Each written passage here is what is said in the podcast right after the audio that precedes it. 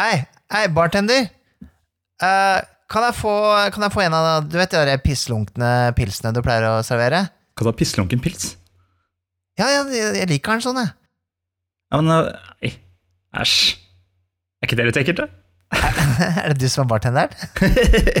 Nei, jeg står jo her ved siden av deg. Jeg venter jo på bartenderen, jeg. Og jeg skal ha en sånn paraplydrink eh, med ananas og masse sånne sugerør i forskjellige farger i. Hva?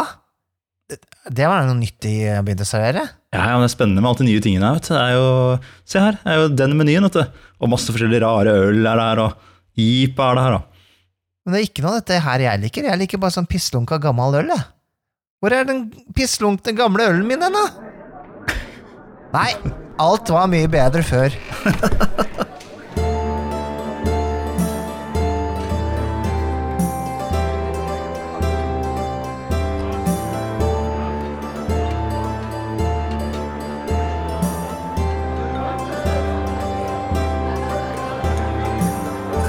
Hei, hei, hei. Hei. Velkommen tilbake til Vertshuset. Hey. Podkasten som handler om rollespill. Ja, og hvem er det du er, egentlig? Jeg, jeg er Mikael, eh, Mikael, Ja, Og jeg er Nikolai. og her er vi samla. Hva er det vi skal snakke om i dag, da? Ja, Var alt bedre før, Mikael? Er det det? Har du Hva er det du Nei, driver med nå? det, det er sånn gammelmannsgreie. um, nei, alt var ikke bedre før. Men eh, jeg har eh, gjenoppdaget et gammelt spill. Ja, ok. Hva er det du har, det du har gravd frem nå? Jo, jeg må ha litt sånn forhistorie her. Um, jeg begynte å spille DOD 5th edition i 2014 eller noe sånt, da det kom Players Guide ble utgitt. Ja, jeg, så, men, ja, jeg mener jeg husker at vi, vi testa det ut med en gang det kom. ja, Mm. eh, vi kjørte jo en eh, spilltest først, vi eh, to og en til, var det ikke det? Eller to til. Ja, var det? Eh, og så eh, ble det etter hvert en kampanje eh, som foregikk i to år. Mhm, mhm. eh, hvor vi bytta litt på å være gamer, og vi hadde veldig moro med det og sånne ting. Mm. Eh, men det kom på et punkt rundt sånn level 7 eller noe sånne ting, eh, hvor, hvor spillet begynte å bli litt sånn eh, eh, slitt for oss. Iallfall for meg, da. Mhm. Så da døde vel den kampanjen ut. Og så hadde jeg nylig en ny kampanje eh, hvor jeg hadde lyst til å spille DOD igjen, og um, jeg fant ut at rett og slett jeg hadde brent meg ut på DOD 5th edition. Å ja, du har, eh, den eh, gjorde det ikke for deg lenger, rett og slett? Nei, Hva, hva sliter Eh, du med? Nei, det, det det er mye, Uh, men jeg tror kanskje um, Åh, det å unpacke det er jo ganske komplisert, men um, Men det handler jo mest om utbrenthet uh, rundt det. Um, og da jeg begynte å tenke Jeg liker jo fantasy, Uh, så jeg begynte å se litt tilbake. Når var det sist jeg på en måte hadde en sånn hva skal jeg si, den, den følelsen jeg liksom sliter litt med å finne i, i fifth edition, da. Mm -hmm. det, da må vi tilbake til ADHD second edition. Ok, så second, altså det er Dungeons and Dragons second edition, og den heter Advanced Dungeons and Dragons, ikke sant? Det er nesten korrekt. Jeg prøver å forstå, Mikael! Det er alt Ja, jeg forstår det. Nei, før så, så skilte man på Dungeons and Dragons og Advanced Dungeons and Dragons. Det var to forskjellige game lines. Ok, Starta med Dungeons and Dragons på 70-tallet, og så seint på 70-tallet så kom Advanced Dungeons and Dragons, Mhm. som vi kaller på en måte first edition. Eh, hvis du skal regne disse opp til fifth edition nå, da. Så Ok. Advanced Dungeons Dragons første edition, det er liksom uh, first edition av det vi kaller fifth edition nå. Ja. Uh, Er det du kaller rødboka og blåboka? Er det den? Det er det og det, ikke Advanced Dungeons and Dragons. Så det er litt, det er litt kronglete, det her. Men i hvert fall second edition, som, den, som er det spillet jeg har begynt å se i, det er eh, eh, Det kom ut i 1989, eh, og vel, ble vel da Det var den siste utgaven som var ute før Wizards of the Coast kjøpte opp TSR som ga ut eh, Dungeons and Dragons, da. Og, um, så det holdt vel på helt til år 2000, tenker jeg. Nettopp, fordi jeg, du, jeg visste at du hadde lyst til å snakke om det her i dag, Mikael. Og jeg gravde bakerst i bokhylla mi og fant Det er noe gull fra gammelt av. Eh, så her har jeg faktisk eh, ADHD second edition. Eh, Jeg, jeg vet som, at du har de der, og det ja, har jeg vært litt misunnelig på. Som jeg da ble kjøpt på 90-tallet en eller annen gang. Mm. Og aldri sp- spilt, eller skjønte jo ingenting av det. Bladde og koste meg veldig mye med det og leste det og sånt, men jeg fikk liksom aldri helt taket på hva det var. Nei. Jeg hadde jo ingen mentor på Hadeland da jeg, da jeg vokste opp, som kunne noe om rollespill. Så ja, så jeg sitter nå med disse bøkene, da. Vet du, det, det var litt eh, det, det som var litt eh, tilfellet med meg også. Jeg gikk fra rødboka, eh, og så um, eh, så jeg litt på det der Advanced Dungeons and Dragons, eh, men jeg endte opp med å kjøpe Rules Cyclopedia, for at eh, jeg forsto det at hvis jeg skulle fortsette å spille den norske utgaven, eller det samme spillet, så måtte jeg på en måte hoppe over på engelske versjonen av det, da. Eh, men eh, det var jo alle de kule tingene kommer jo til Advanced Dungeons and Dragons Second Edition. Hyllene på gamle Avalon var jo fylt med Ravenloft, og det var Dark Sun, og det var Greyhawk og Forgotten Realms, ikke sant? Og alle de kule eh, forsidene på ting der. Mm. Det gjorde liksom sånn. Men det var sånn impenetrable. Fordi at ADHD og Dungeons and Dragons hadde vokst seg så stort. Det var så mange settinger. Det var sånn der Hvor skal man starte? Ja, det er som å begynne å se Star Trek nå. På en måte. Ja. Mm. Og nå da, som jeg har fått dilla på ADHD second edition, så har jeg hatt problemer med å vite hva er det, hvor, hvor skal jeg begynne den her? Jeg, jeg skjønner jo at man skal begynne med standardbøkene, men du har jo masse greier i, i tillegg da, som kan være greit å bygge opp, eh, bygge eh, Legge til, da. Ja.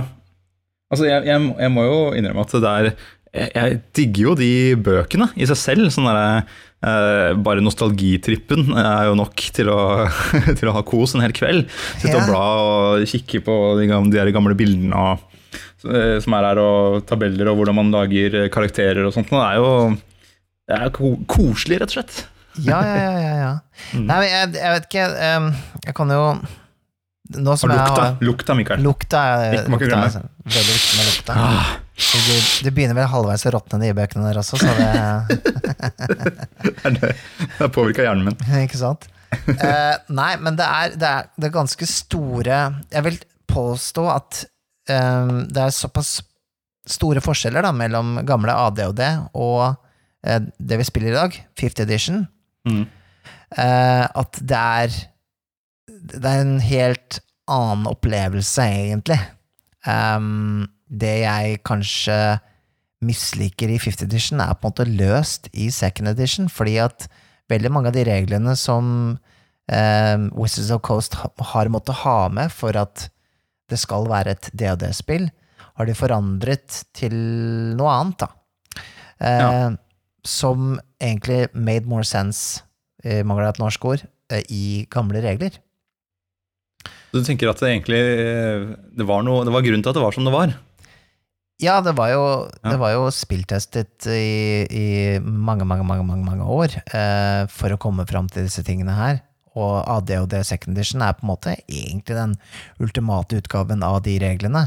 Altså, det er jo ikke store forskjeller mellom Advanced Dungeons and Dragons og DOD, eh, egentlig. Vanlig DOD fra 80-tallet og 70-tallet. Ok. Det er bare litt mer avansert. Ja. Um, Der er navnet. men grunn, grunnlaget er det samme. Så det som skjedde, var jo da at når Wizards of the Coast eh, tok over DOD, så gjorde de om alt sammen, eh, så å si. De, de nullstilte det eh, ganske brutalt for third, ed third edition, som kom ut i 2000 eller 2001. Som jeg har forstått at veldig mange spiller. Ja, det er mange som spiller Ja. det fortsatt også. Mm. Mm. Men jeg tror at hvis du skal virkelig få en annerledes opplevelse, um, så er- tror jeg det er bedre å gå tilbake til, til eh, second edition eller first edition eller en av disse, da, for da, da får du på en måte den eh, ja, old school-mentaliteten i den. Men er, går det an å henge med holdt jeg på, å si, på, på regelsettet her, eller, eller er det for mye? Som en voksen mann så vil jeg si det går an. Eh, jeg tror jeg, jeg bare Jeg ser at det var en annen tankegang før.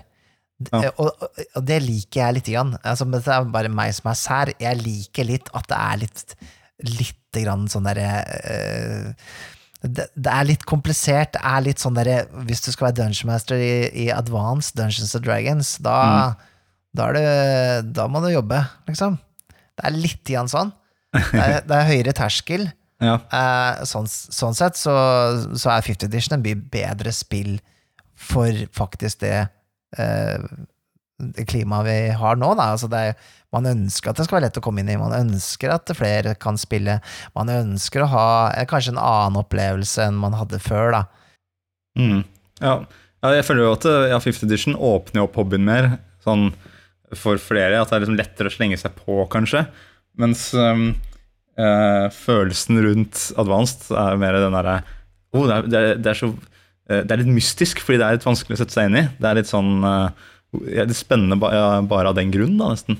Ja, Mm. det er, er det jeg kanskje savner lite grann, da. Sånn bare sånn eh, Jeg, jeg syns det er, det er litt kult. Eh, jeg vil at det skal være litt Litt sånn eh, Litt eksklusivt, på en måte. Eh, og det, det for, for at jeg skal synes det er interessant, da, uh, muligens, uh, så syns jeg det, det hjelper meg litt. Igjen. Det holder ikke å bare være nerd, du skal være king of the nerds! jeg tror kanskje det er noe sånt. Nei, men jeg kan, jeg kan begynne med Jeg har nå lest gjennom Players Guide og Dungeon Masters Guide i eh, Advanced Dungeons and Dragons, second edition. Ja. Eh, Du har bare lest gjennom det sånn Ja, jeg, bare, på et par dager? jeg har sittet som en eh, besatt og, og, og lest gjennom det. Fordi ja, man må liksom komme seg gjennom det. Eh, jeg har ikke lest alle spells og sånne ting, da, men det, det tar man når det kommer, på en måte. Ja, nettopp. Um, men eh, jeg har lest såpass at jeg har gjort meg opp noen uh, tanker, da. Det er en del ting som uh, jeg syns Og dette er også en Hvis du opplever kanskje at uh, DOD5 eh, har surna litt for deg, så kan det hende at det var smart å gå tilbake og se om det er noen regler man kan plukke fra tidligere utgaver. da. Og putte inn i, i femmeren, rett og slett? Ja, Rett og slett ta putte putte inn i femmeren. Jeg har et par eksempler her, og jeg syns faktisk eh, eh, Give it to me. Jeg kan begynne med det jeg syns er det aller viktigste. Det er initiativsystemet.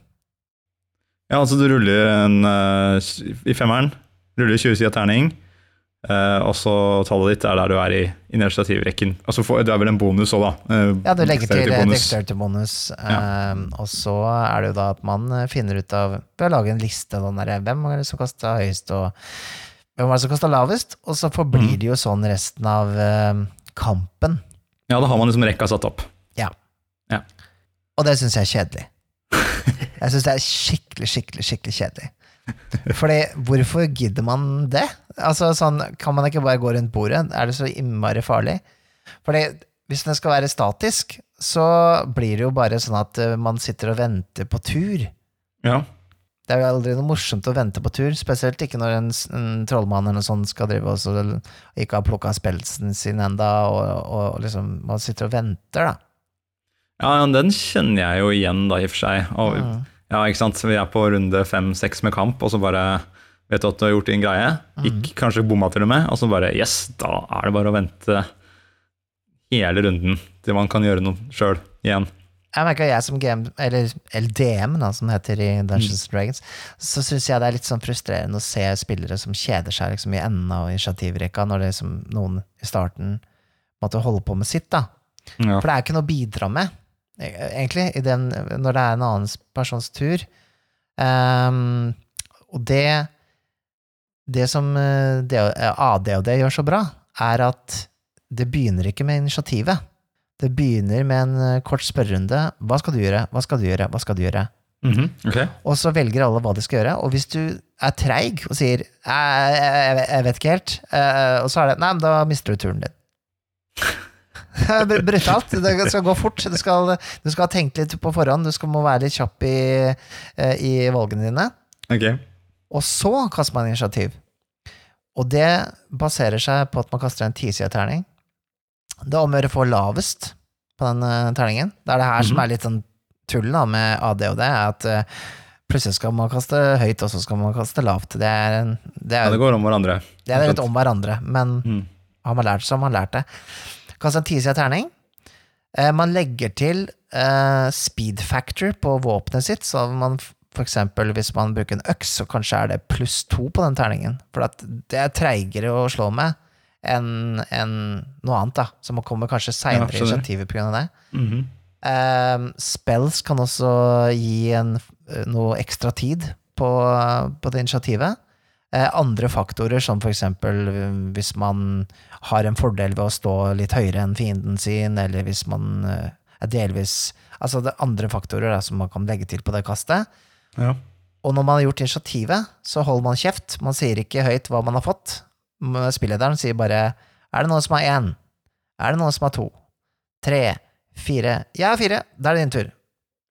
Nettopp. Og så blir det litt sånn overraskende hvem som skal gjøre noe. Og så gjør den personen det den sa den skulle gjøre, sånn cirka. Nettopp. For da har den allerede valgt hva den skal gjøre, og da, spil, da vet spillederen på en måte hva Kan gi instrukser på hvordan den skal gjøre det, da. Men hvis du var treig til å si hva du skal gjøre, bare får du ikke noe gjøre noe den runden, da. Ja, altså Det er litt slemt, da. Du trenger ikke gjøre det sånn, men, men det er viktig at man på en måte har, lager en flyt da, på den måten. Mm.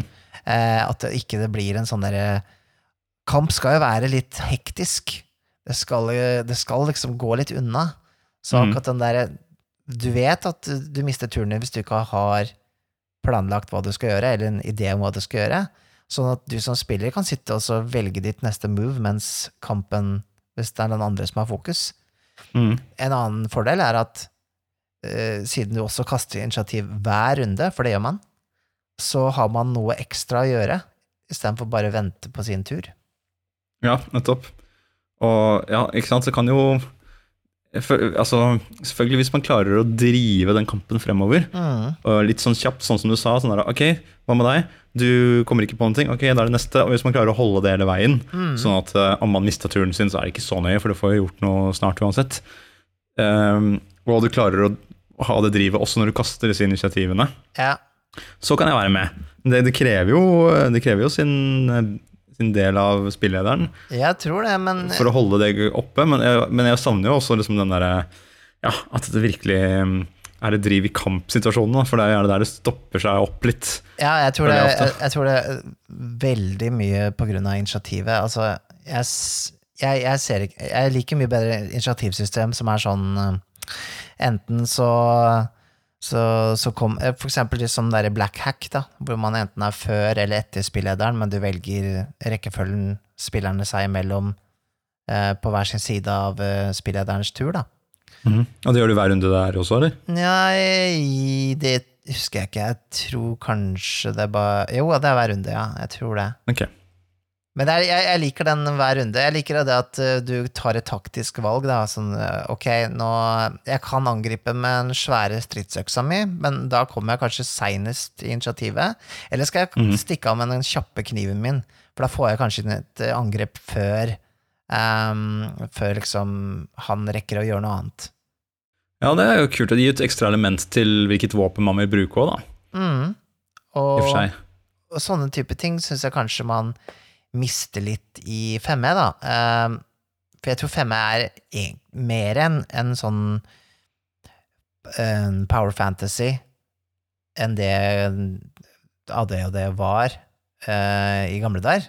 Det var mer enn Der var det mer enn eh, ehm, det, var, det var en utfordring å overleve, på en måte. Det var, det var mm. mer et, et element av nå, nå kan hende man dauer. For det, dette er et uh, monster som er over vår uh, level, liksom. Så mm. Og jeg vil kun kjenne på den det, uh, Hva skal jeg si Frykten i femme eh, under en håndfull ganger, egentlig. Ja. Mm. ja, men jeg kjenner igjen at jeg også, når du begynner å snakke om det nå, trekkes jo mot den herre ja, At også liksom ikke blir så ekstremt high fantasy så fort, Mm. kanskje, den, den delen av det. Og så at man bare er superhelt. Men at, øh, ja, at det er litt dødelig, og det er faktisk øh, man, man er en lengre stund litt i bunnen der, da. Mm. Og man bruker våpen, og det, det er spennende nok å bruke forskjellige typer våpen. på en måte. Ja. Og, og, og det er klart, men det, det er jo litt sånn, men det skrekkeksempelet er jo typ å spille en trollmann i gamle DOD, at du starta med 1D4 i liv, eh, eller HP, og så får du kaste én spill om dagen. Ja. Ikke sant? Det, du begynner skikkelig langt nede. Ehm, men så er det jo sånn at eh, trollmannen, eller magen, eller wizarden, da, han, han blir jo sterkere enn de fleste etter hvert, da. Nettopp. Fordi at han Du må bare, du må bare tvinge deg gjennom eh, noen levels hvor du er ekstremt forsiktig. Ja, ja, ja. Men det er jo derfor du har med deg de andre spillerne, ikke sant? De, det kan hende til og med storyen er sånn at, eh, at det er en eh, trollmann som, som er oraklene har fortalt kommer til å redde hele Greyhawk-universet. Eh, Men han er svak, han trenger å komme ut på eventyr, han trenger å finne nye spells uh, til å sette inn i boka si, ikke sant? Så det har en, en liten bande med eventyrere rundt seg som kan beskytte han inne i huler og sånne ting. Ja, det er kult, da. Da, da tar du det virkelig Putter du det inn i historien. Det liker jeg. Mm. Fordi Hvorfor i all verden skulle han der eh, lille glasskula der gå rundt ute i skauen, liksom? Men noe sånt noe er jo Ja, Det er fett. Man kan lage en sånn sånne story kule stories som det. Mm. Um, nei, initiativsystemet, det tror jeg faktisk går an å nesten implementere sånn det er fra ADD inn i fifth 50 edition, uten noe problem. For det er jo Ja. alle, nesten alle systemene i Advanced Dungeons Dragons er jo nesten små moduler. Altså, siden de ikke har De har, de har sjelden en, Det er ikke noen uniform eh, regel, sånn som i third edition til fifth edition, at det er en, en D20 for å rulle det med alt sammen. Her, plutselig er det prosentkast, plutselig er det en åttesideterning, plutselig er det en tisideterning, og lavt eller høyt eller Altså, det er jo kaos. Men samtidig så er de på en måte så uavhengige av hverandre, sånn at det går an å stappe de inn i nyere spill uten noe Altså, jeg vet ikke, det vil eh, krasje noe særlig, da. Nett, ja, okay, sånn at du, ja, nettopp det, det er rett og slett en så uavhengig regel at den kan overleve. Mm, Fordi det. den, og ikke ødelegge spillet. Jeg, Ja. jeg, kjenner ikke, Et sidesystem. jeg kjenner ikke til eh, Men kanskje du kan eh, For du har spilt nesten mer 50 edition enn det jeg har gjort. Er det noe som påvirker initiativet noe særlig utover eh, liksom Det fins det finnes, eh, en feat, vet jeg, som man kan velge. mm, Jeg hater feat. Som gjør at man feet. får Gjør du det? Jeg synes det er kult, jeg. Jeg liker det godt. Jeg, bare jeg syns det er morsommere enn liksom bare å Mer kluss. trykke Ja, jeg syns det er gøy med litt sånne, der, sånne små ekstra tweaks på reglene som gjelder bare en selv. da. Ja, En ja, det. Det syns jeg var tøft. At man kan bli sharpshooter og, og kanskje uh, gi seg selv en straff for å kunne plutselig gjøre enda mer skade. Da, og sånne ting. Det, det likte jeg godt. Men eh, jeg tror det er en fint der som gjør at du kan få høyere initiativ. ja. Ja, ok. Men da får du jo gjerne det hver gang, da. Siden da har du den finten. Ja, så da blir du eh, som regel først, liksom. Ja, men det kan du oversette til eh, regelsystemet fra ADØ. Det er ganske lett, da, antageligvis, med at du får en eh, minus istedenfor en pluss, da. Ja. For eksempel. Da får du minus to, da, for eksempel. Ja, et eller annet sånt. Mm. Så jeg tror ikke det er noe problem å overføre det. Um, eh, en annen ting som jeg har eh, Egentlig grunnen til at mine kampanjer går til eh, helvete når det gjelder eh, D- DD5, det er spells. Ok. Eller hvordan da? Fordi, fordi um, Jeg tror ikke det var ment fra gammelt av at spell spill skulle velges eh, helt og holdent av spillerne. Du tenker at spillederen skal velge for spillerne? Det er sånn det var før, i hvert fall. Det, Det er den lunkne ølen jo, jo, jo, jo, men altså det, det er litt sånn derre Spels er jo en- regelbrytere. De bryter reglene, de bryter eh, logikken i verden og alt sånne type ting, ikke sant? Mhm. Så hvis spillere bare kan velge for hver gang de går i level, så kan de velge kule spels eh, som de syns er kule, og som kan brukes sammen andre spels for å få til helt utrolige ting.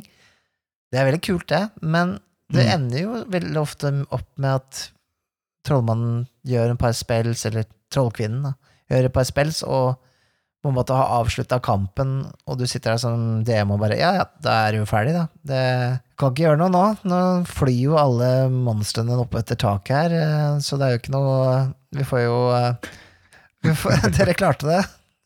Og så er det jo ikke noe utfordring, ikke sant?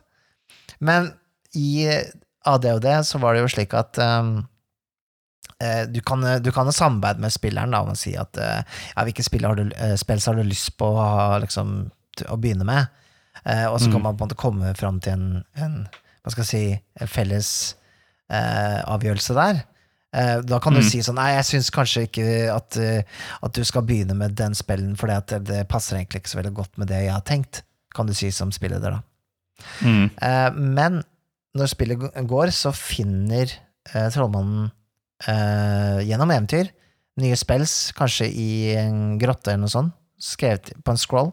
Og så skriver han det inn i spilleboken sin, Mhm. og han kan jo ikke bruke dem før han har nådd leveren som er nødvendig for å, å caste dem, da. Mhm. Men likevel, spillederen bestemmer jo selv hva slags spills som da eventuelt har potensial til å komme inn i spillet etter hvert. Sånn at da kan man også hindre at det måte blir helt sånn crazy bananas.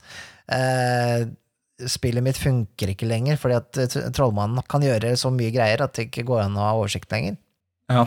Kan, det er på en måte Det blir to motivasjoner, da, på et vis. Mm. Fordi uh, eh, den motivasjonen du beskriver der, jeg kan eh, sette meg veldig inn i den og like det godt. At det liksom selve jakten på uh, på måte, Det blir som å gå opp i level. da, sånn der, Jakten på å finne disse forskjellige spelsene, og overraskelsen. Oi, se, jeg fant tre sånne scrolls med hva, hva slags spennende ting har jeg funnet nå? Sant? Og, og så begynner man å kverne når man har funnet de.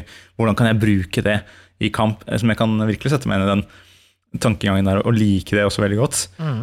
Uh, Og i den andre enden, i fifth edition, så er det jo mye glede i den derre Man har spilt en session, man har kanskje gått opp i level, Mm. og så går man hjem med Players Handbook og leser, leser den og bare åh, wow, nå kan jeg Nå har jeg tilgang på liksom alle disse spillsene. Ja, ja, ja. Og så leser man på alle de, finner ut åh, kanskje den, ja, mm, jeg har jo bare én, hvilken skal jeg bruke, tro? Og? Så sitter man og grunner og grubler og legger taktikk på hjemme. da. Mm. Og så, liksom, og så kan man jo overraske spillederen litt også. ja. Ikke sant? Bare, Oi, hva er dette for slags uh, spill du har her? Ikke sant? Så, det, så får jo spillederen en overraskelse. En utfordring da, også. Så da kan du jo tenke, enten så kommer den nye spillen og er litt sånn game-breaking, fordi du har kanskje planlagt et eller annet um, En kamp da, Mm. som skal gå på cirka en eller annen vis måte. Og så er det en sånn flora av spills at du ikke bare du blir tatt på senga. da. Men så Altså kan jo det være Ja. Så kan jo det være overraskelsen for gamet nå, da. Eller litt sånn vet ikke. At det, det, kan være, det er jo en fin ting også. Ja, jeg ser den. Jeg, jeg, jeg tror det aller største forskjellen mellom det og det uh, sånn det er nå, og sånn det var før, at før så var uh, det var, uh, det var DM-sentrisk. Altså det var, det var, Ja. det var, det var DM-en som, som på en måte var spillet. Um, Mm. Så det, meste ble satt på DM-ens skuldre. I, I dag så er det mer spillerne eh, De skal ha full frihet til å velge. eh, ting skal være balansert. eh, Mm. og, og det skal være på en måte fair og sånne ting. Men jeg syns egentlig ikke det er så veldig spennende, da. Sånn som, som spilleder. Så, så syns jeg hele fairnessen må komme fra meg, enn en enn nødvendigvis spillet seg sjæl. Det krever jo en god spilleder, da. Ja, kanskje jeg, jeg tror jeg kanskje liker det. Jeg tror det er kanskje Ja. at man um, um, jeg, jeg veit ikke, altså. Det, er- det er bare um, jeg, jeg vil heller spille den derre ehm, hvor, det, hvor det er litt tungt og trått. Det er litt sånn Og når man får en seier, så er det liksom Yes! Vi klarte Vi klarte, vi klarte å Følelsene kommer faktisk ut fordi du fuckings klarte det, liksom. Ja, jeg skjønner jo den. Uh, ja, jeg har jo sett også utfordringene med at um, uh, f.eks. en spellcaster kan jo uh, sitte og nipugge på sine spells. Mhm. Og så spillederen har jo da hele verden å forholde seg til. Historien, alle spillerne, alt mulig rart. Så når plutselig en uh, sorcerer da får lov til å sitte ved bordet og drive på holdt jeg på å si, kjempelenge, fordi at det er så mange Ja, den gjør det, og den gjør det, og hit og dit, så bare eh, kan man jo ikke få dobbeltsjekka det som spilleder heller. Nei. Man bare stoler på at det sikkert er riktig, og så er det kanskje en ganske innfløkt eh, tekst på en sånn spill òg. Ja. Ja. Så da kan det jo hende at en spilleren har misforstått det, og bare kjører på. Mm. Og så får ikke spillederen sjekka det, og så blir det bare litt sånn Ja, sikkert. Hvor mange Ja, du vinner vel, da? Sikkert. Som du sa. da Ja, Får ikke sjekka det akkurat nå, fordi det var Ja, det er så mye annet å drive med. Ja. ja ikke sant. Det er så mye Det er så stort, Nei, liksom. det er mye, det er mye bra med 50 Edition. Altså. Det, er, det er sånn Jeg skjønner valgene de har tatt, men jeg skulle kanskje ønske at parallelt med å ha det DOD som en gameline Så altså, jeg vet det, det, det er jo ikke noe de kommer til å gjøre. Og eh, det å ha en Advanced Dungeons and Dragons-alternativ. Du skjønner? Ja. gå ned ja. ved siden av. For at jeg syns Dungeons and Dragons 5th edition har jo tatt noen valg som er sånn Ja, vi skal gjøre det enklere, men vi har kanskje dumma det litt ned også i prosessen. Jeg skal ikke Nå, Altså, nå er driver jeg og du, litt. du er en erfaren Du er en erfaren spilleder, Mikael. Ja, ja, ja. Men altså, det er ting Jeg som det. det, er litt sånn etter, etter seks år da med Fifth Edition, så er det litt sånn der, Jeg har begynt å se litt den derre Det jeg syns var sjarmerende i starten, sånn som den proficiency-bonusen man får, Mm. eh, som er at du får eh, statisk poeng da, for hver level som, som Mhm. du får på eh, visse skills du har. Det, det blir litt sånn derre Hvorfor kan man ikke heller bare dele ut de poengene når man går opp i level, sånn at du kan liksom bli litt foran, annerledes enn den andre Rogan i party, da? Det blir litt sånn derre Ja. Det er litt sånn um, Det er litt dataspillete. ja, nettopp. Ja, det kan jeg se. Absolutt. Det er um, Du bare leveler opp, og så har du måte bare blitt flinkere i alt du allerede var litt flink på. Det, det Mm. føles litt sånn derre ufortjent.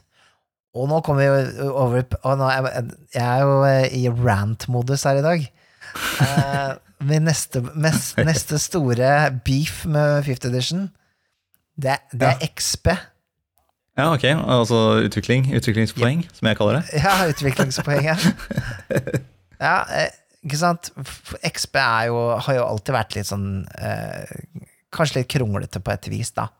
Eh, Men Den har vel to skoler også i 50 edition, har den ikke det? du, du har det. Du har XP At man faktisk regner ut XP og den slags.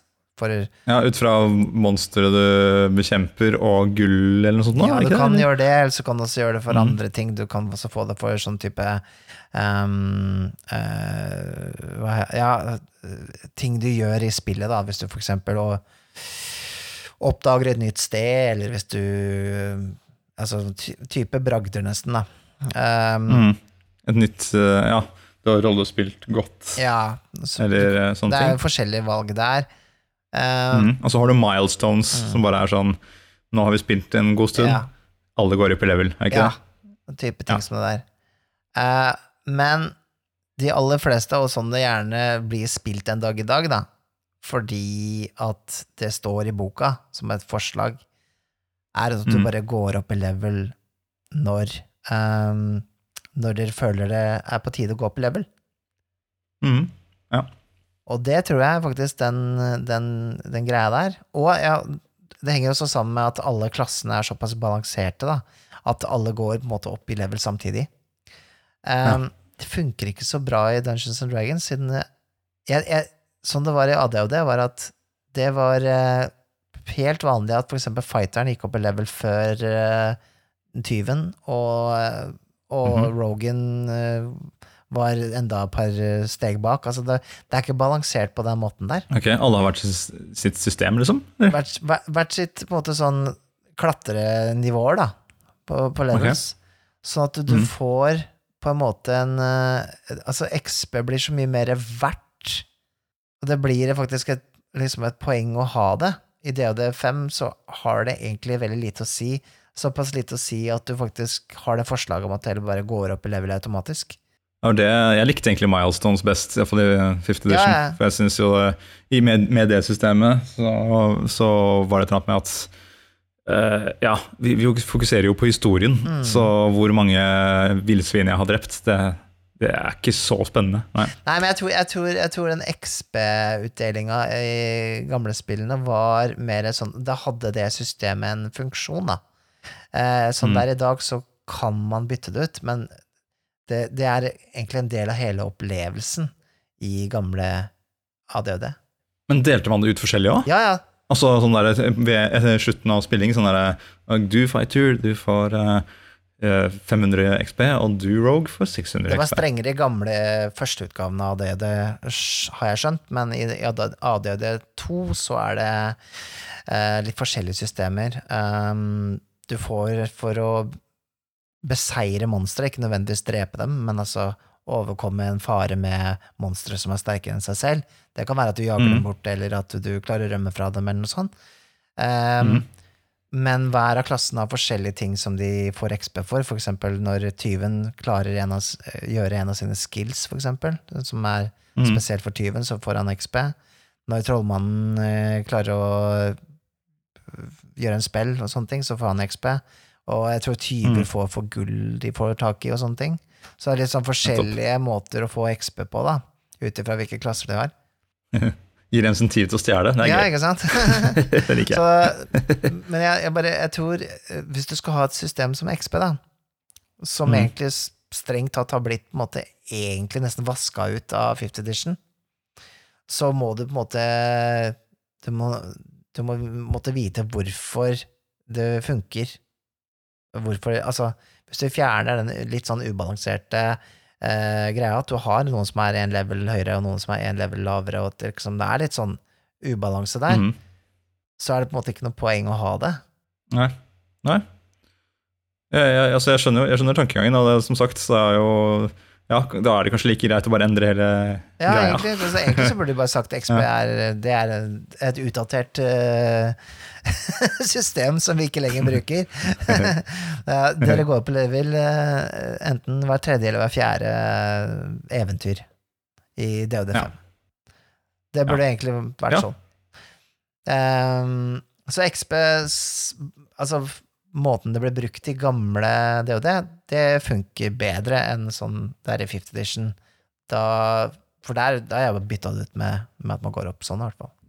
Ja, men jeg husker jeg fikk jo spilt eh, noen ganger, men jeg husker, og det var jo man Åh, den Next Pen. fy søren. Ja, Det er eh, Man gleder seg jo til å se på de tallene. ja, ja, ja men det er sant. Det Mm. er jo litt det òg. Man tar bort litt av den derre gulroten for å spille Mm. uten XP også.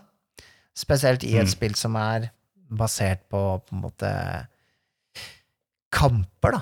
For det er jo det det og det er. Mm. Og det er det fortsatt. Det er jo det. Ja, det er det.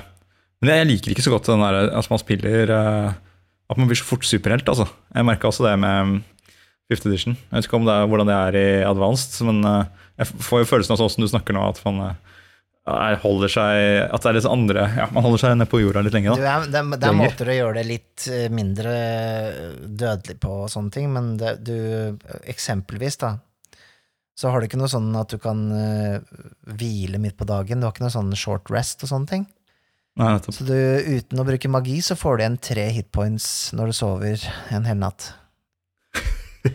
og så får du én hvis du bare ikke gjør noe, liksom er i en kamp, eller hvis du bare eh, tar det litt rolig en dag, da. Én hitpoint tilbake. Ja. Og så er du død når du har null hitpoints. Da er du død. Ja, da, da er du ja, død, rett og slett. det er en optional rule som sier at du i en kamp, da, så hvis du er på null hitpoints, så mister du ett hitpoints i runden, og når du er på minus ti, så er du død. Før noen eh, Ja, deg opp, da. Eh, men Mm. det er på en måte litt sånn eh. Jeg syns det er egentlig Jeg synes det er bedre om det er død på null, for da er det sånn derre Shit! Da begynner du kanskje å se Ja. litt sånn derre ok, nå må vi begynne å tenke litt annerledes her. Ja, men det gir deg jo grunn til å stikke av. Jeg husker jo at det er, som- det er flere spill hvor jeg har tenkt sånn herre Ja, men det er jo aldri en option å stikke. Å stikke av. Fordi hvis en eller annen dør, så er det sånn ja, han blir bare gjenoppliva, det går fint. Noen death saves. Ja, Det kommer til å gå fint, liksom. Det er jo ganske, ganske mye til for at man dør, på en måte. ja, Men hvis det faktisk er sånn derre Ok, jeg har to hitpoints. Uh, jeg må bruke to uker jeg, for å komme meg opp. ja. Bare liksom, for dit jeg skal. Eh, Da, da nei, ok, jeg, tror- jeg tror vi må stikke. Jeg tror vi må løpe, rett og Det slett. var, det var jo Og- også en, ja. et element i ADHD som også ikke er så til stede i Fifth Edition, er jo at man gjerne eh, leide inn eh, hirelings. Ja, nettopp. Ja. Eh, eller Kanon, eh, cannon fodder, Ja, liksom. nei, nei, du, sant? Hvis du ikke ikke visste veien til dungeon, så kanskje du, du leide en scout, eller en Du kan også ha med deg noen folk som bærte utstyr, ikke sant. Du, du kan også Mm. leie så klart noen soldater og sånne ting. Um, men det, det, var, det var jo sånn at hvis du ikke var mektig nok, så måtte du liksom tenke litt på de tinga der òg, da. Um, men de vil jo som, som regel ikke dø for deg, da. Uh, så det blir, jo, eh, det blir jo du som må gjøre brorparten sjøl, så klart. Og det er et lite kapittel om moral, så jeg også her i Dungeon Masters Guide. Ja, i den gamle, ja. Mm, Ja, det er Ja. for, eh, for hirelings og sånne ting, da. Hvis du, ikke sant? hvis du ikke behandler dem bra og sånne ting, så kan de stikke av. Og um, Ja. få nok, rett og slett. Um, ja, moral også for monstre, det er en ting som, som jeg ikke har på lista over ting her. Men det er jo helt genialt. Det, det, er, det er helt supert. Fordi um, siden DOD5 er Det kommer jo fra fourth edition, og det kommer fra third edition. Altså det har jo vært en, um, en progresjon her. Og så har du hatt uh, Mm. MM MMRO Hva heter det? World of Warcraft. Eh, massive online RPGs i mellomtiden her. Ja.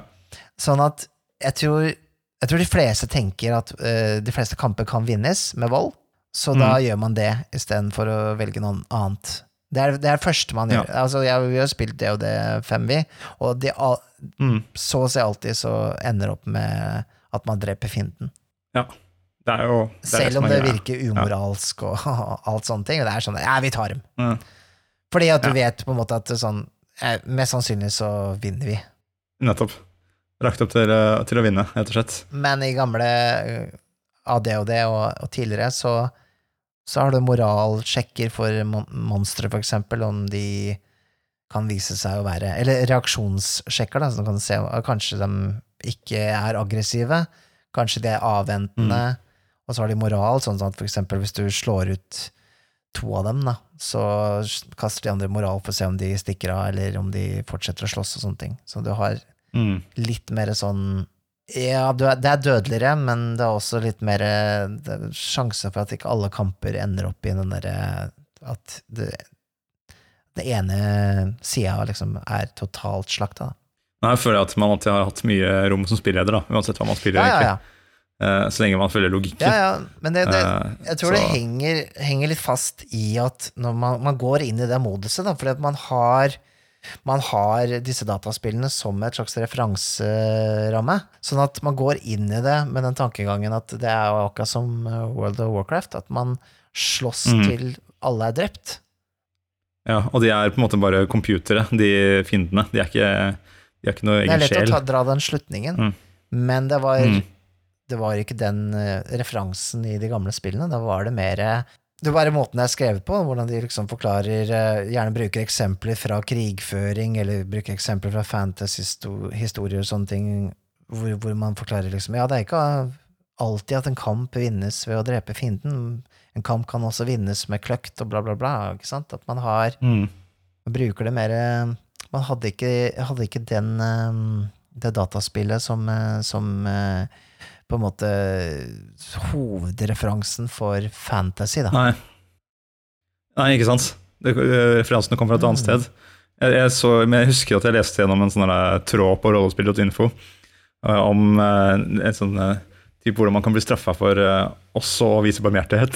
jeg tror det var han eh, Peter Buckman som hadde skrevet et eller annet om at ja, bare, man kunne drepe noen goblins, men så var det en som stakk av.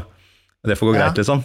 Men han hadde ikke tenkt på at den goblinen stikker bare tilbake til landsbyen sin og sier fra om at det er noe lett bytte her. Kan ta med seg 100 andre goblins som kommer tilbake. Ja, ja, ja. Det, det der er så- kult. Det er kult. Ja, Og det er kult. Da, da bygger man historie. jeg liker veldig godt det. Det er sånn, eh, en av de tingene jeg har prøvd å bli flinkere på, er å ta notater som spilleder, og huske å, Mm. og på en måte gi konsekvenser for ting seinere. Det kan godt komme et par eventyr seinere. Eh, litt sånn som i Vampire når vi spilte, at hun eh, Hun som forvilla seg inn eh, hos dere, som dere drepte, tror jeg. Eh, Ja. Mia het hun. hun, som dere ga til prinsen i byen, og hun bare slukte henne omtrent hel. Venninna hennes kom jo og banka på døra og, og ettersøkte og Ja, sånne stemmer det. ting. Eh, politiet ble innblanda og sånne ting, og dere liksom bare Ja, og den ja, var lei. Ikke sant? For det, ikke bare hadde dere litt dårlig samvittighet for at dere bare gitt liksom en uskyldig dame til en eldgammel vampyr, men uh, plutselig fikk dere liksom politiet på nakken og uh, begynte å spørre dere ut om, om dere har sett henne og sånne ting. Og, Ja, så dukker det opp nye problemer, og historien utvikler Ja, seg. Det liker jeg, det liker jeg godt. ja, det, det, er kult, Petter Bøckmann, Det, det er en Mm. god, god, god greie. Um, Aldri la en goblin stikke av. Aldri la en goblin stikke av. jo, altså jeg, jeg går litt på lista her, jeg. Um, For du har skrevet en liste. Du, du, jeg har skrevet en liste, jeg, for jeg har sittet her og så gusha litt over uh, disse bøkene. Det er et par ting jeg Mm. ikke satte pris på, da. Jeg må bare si det med en gang. At eh, den For jeg har lest uh, ADHD uh, second edition, den utgaven som kom ut uh, på slutten av 90-tallet, så det var litt 96-97. Ja. Du har vel de samme, men uh, jeg tror det har en annen Players Guide eller noe sånt. Har du ikke en som trollmann på det coveret der? jeg, har, eh, jeg har en eh, troll av noe slag. Ferding, i hvert fall, på Dungeon Master-coveret. Ja. Som, som en brase gjennom Jeg en tror, dør. har, jeg tror du har de samme som meg. Eh, Men eh, uansett, det er ikke i den, eh, raser- og klassebildene som er i, i de, bøkene, de gamle bøkene der. Det er kun menn Mm. på bildene. Vent da, nå skal jeg ta en kjapp uh, Jeg, jeg, tror, jeg, tror det er langt mellom kvinner eh, på de bildene i den boka der, altså. Ja. Eh, ja. Eh, skal sies at på den tida der så var det ikke så mange damer som spilte Dungeons and Dragons, og det var vel ikke Nå ble det ikke noe særlig eh, furore om det ikke var kvinner eh, illustrert i Advanced Dungeons and Dragons, for det var ikke heller så mange som tenkte at det måtte være så inkluderende heller, for det var en nisjegreie. ja. Her er det noen, her er det en gruppe på tre eventyrere. Der er det Ok, en dame, ser. Ja, det er da Det er litt chainmail bikini. Ja, ja. Det var fortsatt, det var fortsatt chainmail bikini-greier, ja. Ja, Jeg måtte bla ganske lenge, altså. Eh, du ser jo det. Det er ikke mye av det. Mm. nei, ass. så det har det jo blitt bedre på, da, eh, skal sies. Men Ja. eh, det, det det var jo en Det var jo en annen tid. Eh. Men jeg, jeg tror ikke Nei, det var, jeg fant ett Vi fant eksempel. et eksempel, ja. Ja, det er litt svakt, det der, altså. Jo, det er noen i bakgrunnen her Ja, ja det er svakt. som rir på noen sånne Ja. flygende hester og noe greier. det er ikke så bra. Ja. Men uh, Nei. det er vel egentlig det jeg har klikka mest på. Og så er det jo litt uh, sånn derre uh, Det er litt sånn gammeldags på den måten at det er litt sånn skrevet litt som om spillerne på en måte er er fienden til Dungeon Masteren lite grann. Det er litt sånn, det er skrevet mye sånn Hvis spillerne begynner å gjøre dette og dette og dette, så kan du være veldig streng, og det er litt sånn eh, Det er, det er skrevet av eh, folk med erfaring som har måttet håndtere mye sånn power gaming, da. Ja, Kverulante kamerater. Ja, så det er skrevet veldig annerledes enn sånn vi har skrevet i dag. I dag er det mer sånn åpent, det er mer sånn eh, Ja, det er spillersentrisk, altså det er veldig eh, alle skal ha det fint og gøy og, og sånne ting. Eh, Men det var Mm. mer eh, Du merker en sånn bitter tone. ja, det, ja, det er liksom på den Ja, ja. måten at eh, hvis du gjør dette her, så kommer kanskje spilleren til å gjøre sånn, og det, det vil du ikke ha nå, så du må liksom være streng og gjøre sånn og sånn. Og det, det er mye sånne tips, da. Eh, Jeg så jo det, jeg bare begynte så vidt å kikke i begynnelsen av uh, Dungeon Masters Guide. Det begynner jo rett på nesten sånn der, ja selvfølgelig hvordan du kan lage karakter, og method one, method two Ja. videre Med hvor snill man skal være med terningkastene når man bygger opp Mm. karakteren sin. da. Og så, eh, første som kommer etter det, hvordan deale med overpowered players. ja. ja, ikke sant? Folk som liksom blir litt mektige. Eller får, får bra stats, da, ikke sant? super. ja. Men også uh, deale med svake players, og så gir det noen egentlig ganske gode tips, syns jeg, da. Fordi det er jo nevnt sånn seks forskjellige måter å, å kaste stats på der. Um, Mm. og Hvilken, hvilken er din eh, favoritt? jeg tror min favoritt er at du kaster alle stats to ganger med tre T6. Mm. Men du får velge på hver stat hvilken av de to du vil ha. Ja. Så method 2, da. Sånn at hvis du har kasta styrke på eh, 9 og 16, så får du velge Ja. 9 eller 16 på styrke. Ja, nettopp. Så det er, det er én måte. Eh, Det, ja, det var forskjellige måter der. Det var ganske mange fine måter å gjøre det på. Men uh, det er en som er også veldig fin, uh, som jeg kanskje vil bruke når jeg setter i gang et sånt spill. Som eh, er at alle stats begynner på 8. Så kaster du 7 T6, og så må du ta terningen og sette den ved siden av. Sånn at du for eksempel du tar åtte, og den der landa på seks, så jeg tar åtte pluss seks på styrke. Og hvis du har en toer Mhm. også, så får du legge den ved siden av. Sånn at eh, det, Nå kan det hende at eh, folk mister tråden her, men at du på en måte ja, ja, litt ja. Det er vanskelig å forklare sånn uten å vise det, faktisk. Men det gjør at du, tar de resultatene der, og så legger du dem på på rollearket til alle terningene er brukt opp. da. Sånn at hvis du eksempel vil ha en veldig høy stat, så kanskje du har en veldig lav annen stat. da. Så det blir en veldig sånn, eh, sånn Mm. nesten som point by-system, da, som man har i mange andre spill. Jeg tror jeg liker best den derre um, at du ruller uh, For det er seks stats, er det ikke det? Mm. At du ruller seks ganger, altså nedover, nedover lista, og så enten kan du bytte om på to av de, eller at du Det er den ene, som jeg kan like. Hvis du først skal gå inn og spille gammeldags, liksom. Eller, eller at du bare ruller seks stats, og så plasserer du de selv. Ja, Men du må deale med de kastene du har gjort. Da. Da er det kjedelig da, hvis du bare får fire, Mm. fem, seks og øh, liksom Ja. Ja, det er, og det er ikke sånn vi har gjort når vi har spilt uh, uh, Fifth Edition. Da har vi, tror jeg vi Fire rulla terninger, og så tar du de tre beste, og så plasserer du det hvor du vil hen. Ja. Ja. Det er sånn det er vanlig å gjøre der. Men du ender jo gjerne opp med veldig sånn kjedelig stats, da, på den måten der. Den det blir jo mye av det samme. Det gjør det.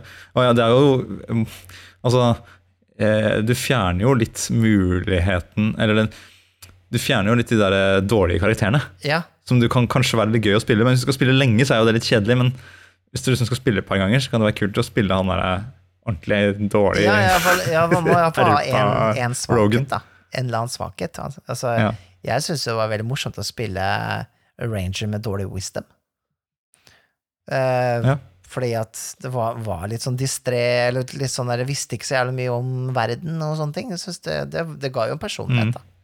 Hvis jeg alt hadde vært på 10 Ja. og kanskje 1 på, på 16, så hadde det vært sånn pff, Ja, hvermannsen, men litt sterk, liksom. Det er jo ikke så veldig Ja. heltemodig, egentlig. Ja, Man får jo ikke den der kontrasten i karakteren.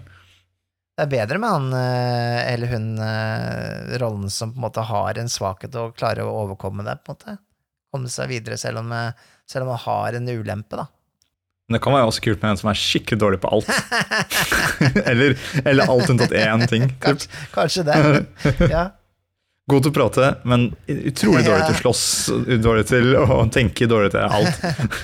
Eh, Det er en eh, ting også jeg, eh, jeg tenkte litt på her, fordi Deborah Ann Wall, som er en skuespiller som har spilt i blant annet denne Daredevil og True Blood, hvis du kjente hun. Mhm, Hun har jo en eh, Hun driver og spiller på YouTube og sånne ting. Hun har en egen sånn Dungeons and Dragons-kanal. Og jeg så folk har uh, okay. bemerka seg at uh, hun ruller persuade, altså sånne type sjekker da, som, som uh, spillerne gjør, for eksempel hvis de lytter etter farer, eller hvis de gjør en knowledge check og sånne ting, så ruller hun for dem og sier og sier ikke resultatet eh, på ternekastet. Ja, nettopp. Sånn at du for eksempel eh, du lytter, og så, eh, og så ruller hun, og så sier hun ja, du hører ingenting, du. Og da vet ikke spilleren om det er fordi at han, han eller hun rulla dårlig, eller fordi det ikke er noe der. Mm. Og- Nei, de vet bare sannsynligheten ettersom hvor gode de er på den Mm. skillen. Og det, og det, det er fra ADHD og tidligere. Det er faktisk veldig kult. Det, synes, det kan man implementere veldig lett i 50 edition. Mm. Det tror jeg faktisk er det, det, det er ikke noe Det er ikke noe, egentlig noe mer spennende å rulle selv der. Det er jo det er ikke noen fordeler ved det, sånn spillmessig, sånn spenningsmessig. Jeg kan, jeg kan like det, så lenge du klarer å bruke det som et godt historieelement, så, så er det jo Jeg, jeg, jeg, liker det, jeg liker det veldig Jeg kan være med godt. på det. Men du, når du skal spille Når du skal spille Advanced Ja. Dungeons and Dragons For det skal du vel snart? Du får vel, du har vel bestilt Ja, jeg- bøker og ja, jeg har greier? har bestilt meg opp litt, ja. Jeg har gjort det. Ja. Men kommer du til å For du snakker jo mye om nå som implementere ting fra Advanced inn i 5th edition. Men kommer du til å spille true eh, Advanced, eller kommer du til å liksom ha eh, de gode tingene fra 5th edition med her? Eller, å blande det litt? Eh, Eller? Jeg tror jeg kommer til å Jeg må se det litt an. Jeg tror det er mye regler i, eh, i Advanced Dungeons Dragons som er litt sånn De er for kompliserte til å, til å være eh, morsomme, på en måte, noen ganger. Um, Ja, for det er jo ikke det er, jo, det er også en ting eh, vet jeg at vi begge har reagert på, at hvis når spillet stopper opp fordi alle driver og blar og prøver å finne den Mm. fuckings regelen Det er ikke det noe Nei. gøy heller. Du har eksempel klatrereglene i eh, Advanced Dungeons and Dragons. De er veldig innfløkte. Det er litt sånn man skal kaste så og så ofte, og disse og disse tingene spiller inn, og hvis hvis du har et rep mellom deg og nestemann, så faller du så og så langt, og det er så så stor sjanse for at nestemann faller, og Det var veldig mye sånne ting, da. Ja, ingen gidder å klatre for, fordi ingen gidder å forholde seg til systemet. Men du, som sp det spillet, og det er vel egentlig, det gjelder også for Fifth Edition, at det, spillederen kan jo forenkle der han eller hun ønsker det. Jeg, jeg har mer sett på de mer spillbare, de tinga som kanskje høyner eh, Dungeons and Dragons for meg, da, fra de gamle utgavene. Mm. tenker at det er det jeg har lyst til å bruke. Det er det som inspirerer meg igjen da, til å spille Dungeons and Dragons. Det er rett og slett de tinga som jeg tror kanskje har gått litt tapt da, eh, i, med åra. Ja, men det kan jo jeg, jeg, jeg tror kanskje det er måten å gjøre det på også, for jeg, når jeg sitter og ser på reglene her, og ser bare på carrying capacities of animals, og hvor mange LBS de kan bære, og bare sitte og, og bare Å, fy fader, så mye mikk-makk. Og jeg tenker jo at eh, grunnen til at alle disse nye versjonene dukker opp av eh, Dungeons and Dragons også, at det er jo at eh, folk har sittet og eh, prøvd å spille, og så bare Ok, her må vi finne på noe nytt. Det, vi må endre på den regelen. Og så driver egentlig alle og spiller, spiller litt annerledes Ja, ja. enn det er skrevet. Fordi, fordi det blir for dumt, ikke sant? Og så lager man heller en ny versjon som har Ja, fiksa det. Og til slutt så kanskje, ja, så har man tatt mange hensyn og gjort om på mye, og så sitter du igjen da, Mikael, og bare Alt var bedre før! Alt var ikke bedre Men før. kanskje du det kan er ikke gjøre det det, jeg sier. Egentlig, altså. Nei, men, men kanskje du kan Mm. gjøre det som du sier, da. At du, du, du tar disse tingene, disse grepene som du har oppdaget at kanskje gjør det litt tannløst, eh, og, og bare moser de inn i eh, fifth edition, hvis du, hvis du føler at du, Ja, den men, sitter men det, lettere. det er jo på ikke noe det, det er ikke bare av regelsystemet eller disse tingene jeg liker ved Advanced Dungeons Dragons at jeg har lyst til å gå tilbake også. Det er jo Og jeg kan jo gå over på det, da, for nå har vi jo snakka ganske lenge, men en En ting som er eh, kanskje en av de beste selling pointsene til eh, gamle utgavene av eh, Dungeons and Dragons, er jo set, settingene. Ja, altså eh, verdenen på en måte de Ja. utspiller seg i. Vi kan jo, Mm. altså I 50th edition så har vi for det meste eh, Forgotten Realms. Eh, og da spesielt bare én del av Forgotten Realms, som er eh, Sverdkysten, Sword Coast, da. Det er jo Ja. Men er det, det er jo der de der dataspillene som i hvert fall jeg spilte da jeg var yngre, er satt, er det ikke det? Ja, altså Boulders Det er Gate. det, det det Mm. folk flest kjenner til, da. Men Forgotten Realms fins jo til både first og second edition av eh, Advanced Dungeons and Dragons, men det var jo så sjukt mye materiale som utgitt til det. Så du har jo Du har jo mye, mye mer å ta av i second edition når det gjelder Forgotten Realms også. Fordi at uh, i okay. fifth edition så har man gitt ut en Sword Coast Adventures Guide, og så har man disse setting, Mm. eller de kampanjebøkene, da. Og det er ganske mange av dem, Mm. men det, det er jo ingenting i forhold til eh, hva du kan eh, grave fram eh, i gamle ADD2. Det er, det er jo hele Forgotten Realms er jo kartlagt, og du, du kan finne din egen krok, og det er en egen bok for det. Um, Det er gøy. Eh, Det sitter, det sitter en eller annen uh, som lytter på det her og har kjelleren stappende full fra vegg til vegg med med alt. til eh, ADD2, uh, og de har jo ikke sjans til altså Det er jo ikke økonomisk uh, feasible, holdt jeg på å si, å begynne å kjøre på den greia der med, med 50 edition. Og det var jo mye av grunnen til at eh, TSR gikk konk til å begynne med, for det spydde jo ut settinger og, og eh, bøker i et rasende tempo. Eh, det kom en ny setting hvert år en stund. Eh, og det kom jo sikkert sånn typ 20 bøker til hver setting, ikke sant, med, med eventyr og, og, og ting som utdypa settingen mer, da. Jeg har bare spilt i Forgotten Realms, jeg, så jeg, vet, jeg kjenner liksom bare til den, den verden. Jeg tenker at det på en måte er Ja, Dungeons and Dragons. For, Ja, det, er- det er jo egentlig, så hvis du skal si en setting som er Dungeons and Dragons, så vil jeg si det er Greyhawk, egentlig. Greyhawk Greyhawk var jo Gary Gygax sin uh, verden. Mm, men når han ble fasa ut litt av TSR, så, så bytta de på en måte over til Forgotten Realms, da, som ikke, ikke Gary Gygax hadde, hadde noe med å gjøre. Hva er, altså, hva, hva er liksom hovedforskjellen, hvis du skal si et par punkter da, bare, på Greyhawk og Forgotten Realms? Er det liksom samme greia, bare andre, annen Eh, topografi? Greyhawk Liksom, er er eh, litt mer sword and sorcery. Det er litt mer Konan enn eh, Forgotten Realms er. Så det er litt mer sånn eh, okay. Hva skal jeg si, ja?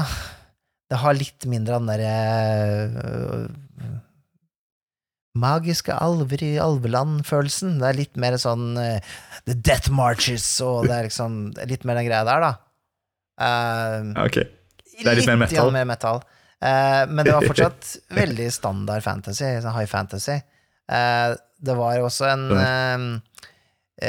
På en måte en, versjon av vår egen verden, med liksom Tyskland og Frankrike og sånne ting, men da gjort om litt. Ok. Um, for, for verden heter jo Earth. men det skri- skrives O-E-R-T-H. Earth, eller Earth. Så det er jo litt sånn, det er litt med humor òg. Eh, så Ja, Greyhawk eh, Men det utvikla seg i eh, second edition til å bli litt mer dark fantasy. Fordi at det ikke skulle være for likt Forgotten Realms, tror jeg, da. Så de, eh, etter hvert så Mm. ble det litt sånn mørkere, som jeg kan sette pris på, da. Ja. Men eh, en liten fugl har hviska meg i øret at det er ikke noen av disse settingene som, er, eh, som ligger Nei, deg det, er, nærmest det er hjertet? en Er det setting, og det er veldig mye grunn til at jeg begynte å se litt tilbake også, for det, det er én setting til, eh, til Dungeons and Dragons som eh, ikke har, har De har ikke gjort noe med i Fifth Edition, og jeg tror ikke de kommer til å gjøre det heller, fordi det er en sånn setting som kan skape litt kontrovers, og det er Dark Sun. Dark Sun. The Dark Sun. Så lenge det heter noe med Dark, så er du fornøyd? Det er så tøft, for det er så annerledes. Um, gi, gi noen uh, kulepunkter her, da. Hva er, eh, hva er greia i Dark Sun? Dark Sun er hvis du blander uh, Mad Max med Konan og Dune. Altså, du har ikke noe science fiction der, men det er på en, en planet som har blitt ødelagt av magi. Den er, den- det er en sandplanet, altså den er, den er helt tom for vegetasjon. Det er, det er ørkenplanet, rett og slett. Så Ja, så der har vi, der vi Mad Maxen. Der er Mad Maxen. Eh, mm. du har, eh, du har sånne Sorcerer Kings som styrer på en måte de få byene som er der. Eh, hvor de, som det, er, det er slaver, ikke sant? Det er gladiatorer. Det er, eh, det er veldig Der har vi konaen, ja. er vi konaen. Det er veldig oppressive. Eh, Og det, så har du halflings, som er eh, kannibaler. Eh, og liksom litt sånn smågærne sånn eh, tribal-folk ute i bilmarken. At du, du har tatt alle, Mm. alle fantasy-tropene og satt det i en post-apokalypse, på en måte. Uh, og, Ja. uh, og gjort om alle, da, sånn at de blir mer spennende og, og ferske. da. Alvene, for eksempel, er jo ikke de snille, pene alvene fra Forgotten Realms, men de er mer sånn Nesten som sånn nomads, som, eh, som eh, går rundt i ørkenen og stjeler fra folk. Eh, eh, med sånne og så lever de ikke evig, av en eller annen grunn. De, eh, I en verden som er eh, på en måte ødelagt, så har de ikke evig liv lenger, så de, liksom, de får rynker og magi, Magien er borte, rett og slett. ja. Og det er også Mm. Ja, hvis all naturen er eh, ødelagt, så kanskje det Ja. er der, eh, Ja, men den, den, skjedde. jeg tror kanskje settingen er også kanskje mer brennaktuell nå enn den var, med tanke på miljøvern og, og uh, litt sånne ting òg. Så det blir en litt sånn en, en ganske sånn uh, on point uh, setting, da. Men det er det der med slaveri og sånn, da, som kanskje Og liksom den Hvis du følger diskursen rundt på en måte social politics i DOD på Twitter, så er det jeg, jeg kan ikke se for meg at Wizard of the Coast nå tør å blæste ut et spill. Her kan du spille slaver! Nei, men man kan jo altså Jeg skjønner ikke, det er, det er jo rollespill. Man kan vel uh, spille noen som har lyst til å frigjøre alle slavene? Ja, ja, det er veldig tydelig at de som har slaver, er veldig slemme, da. Altså, det er jo, det er jo Ja, sånn sett, altså- det, det er jo egentlig ikke noe Men det er bare det er en økonomi, en slaveøkonomi, i, i, i spill, i den settingen, sånn som, i, sånn som var i Viking. Ikke sant? Og der det da står Og da står de for at det fins. ja, det, det, det blir, det blir litt Ja, for, for, for dumt for meg. men- ja. sånn Jeg, jeg syns jo det at jeg, jeg, jeg tror det er en veldig amerikansk ting også. Det er jo tross alt en, en ting som, som, som er mye mer betent for amerikanere enn det er for, for nordmenn, for eksempel. Da. Så vi har jo Vi hadde jo Ja. slaver, men det var veldig lenge siden. Og um, Ja. vi hadde heller ikke vi, vi, vi ser på en måte ikke de samme arrene i, i samfunnet eh, fortsatt, sånn som det amerikanerne gjør. Nei, men det å spille, også det å spille rundt det, og rundt de spørsmålene, det er jo Man kan jo lære ting av det. altså Man kan jo kjenne på Mm. følelser og, og sånne ting. Jeg tenker jo, Det er jo igjen bare muligheter for å, for å sette seg selv i noen andre sko. Mm, mm. Så ja, ja. Uansett. Det virker som en spennende setting. da Jeg synes det hørtes kult ut med Mad Du solgte det inn med Mad Ja, Max ja. Konan Dune. Ja, det da fikk jeg lyst til å Og spille. da er det veldig liksom, viktig at man, det å ferdes fra et sted til annet er jo en, eh, en prøvelse, ikke sant? Man skal eh, Det er jo ikke bare bare å så vandre rundt i, i Athas, som det heter, den verden der. Eh, Nei, I hvert fall ikke å klatre. Nei, det blir ekstra komplisert med reglene i Advanced Dungeons and Dragons.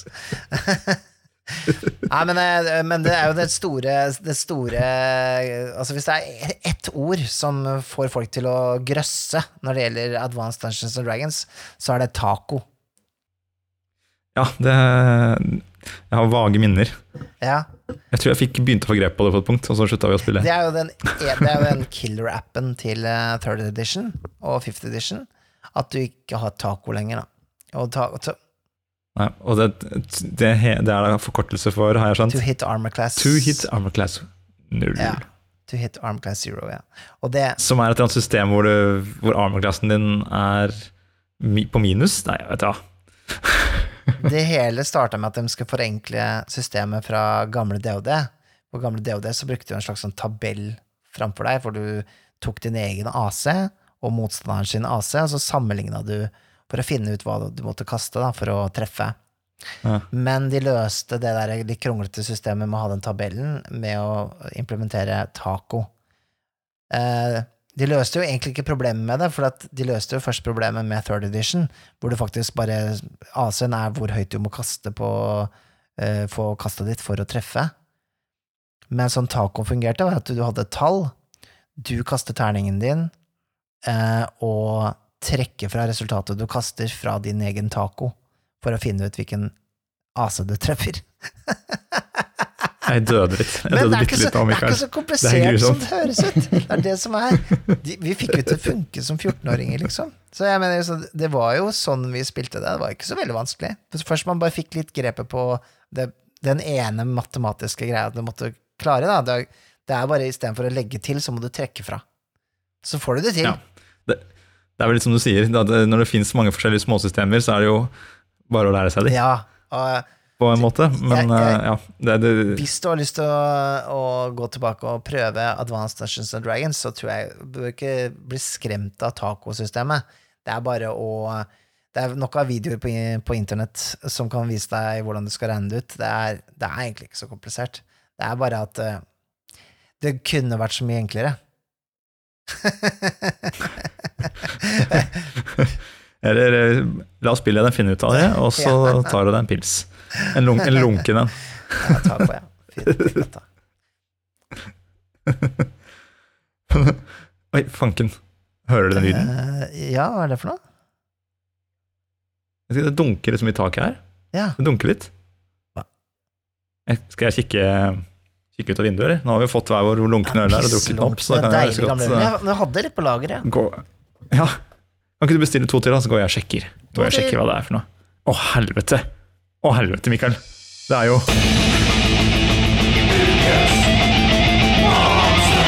Vet du hva, Mikael? Jeg var jo frista til å finne frem eh, Jeg var fristet til å finne frem et monster fra Fra fifth, Nei, herregud.